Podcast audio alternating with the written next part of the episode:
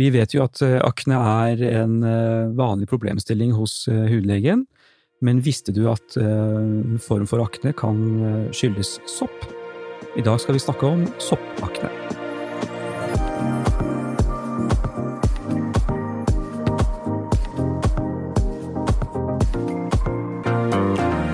Så en eh, type av hudlidelse som jeg ser mer og mer av eh, i disse tider, er noe som vi kaller for eh, soppakne.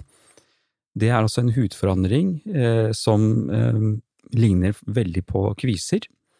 Det er altså bitte små kviser på én til to millimeter som man hovedsakelig finner langs hårfestet i pannen og øvre del av ryggen og det som eh, kanskje kan skille seg litt ut fra vanlige kviser, er at i hvert fall hos 70% så klør det ganske mye.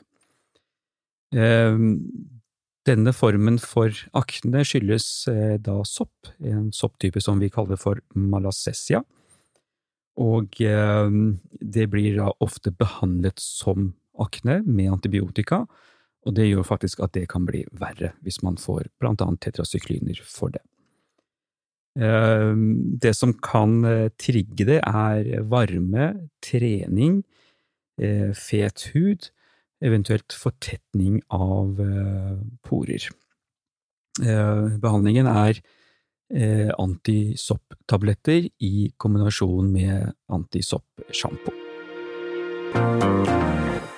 Det er viktig å legge til at dette ikke er noe kronisk sykdom eller noe farlig sykdom på noen måte den kommer, og, og det, det, er jo en sopptype som alle vi har.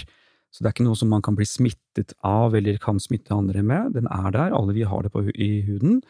Men hos enkelte som er disponert, så kan det føre til at man får denne reaksjonen. Um, og det kan til og med, for å gjøre det enda mer vanskeligere, så kan det eksistere sammen med eh, kviser, så du kan ha både soppkviser og vanlige kviser samtidig også. Håper dette var til nytte. Eh, dersom du har noe spørsmål eller lurer på om eh, hud eller tilstander som har med hud å gjøre, besøk gjerne Instagram-siden min at doktor Sangani.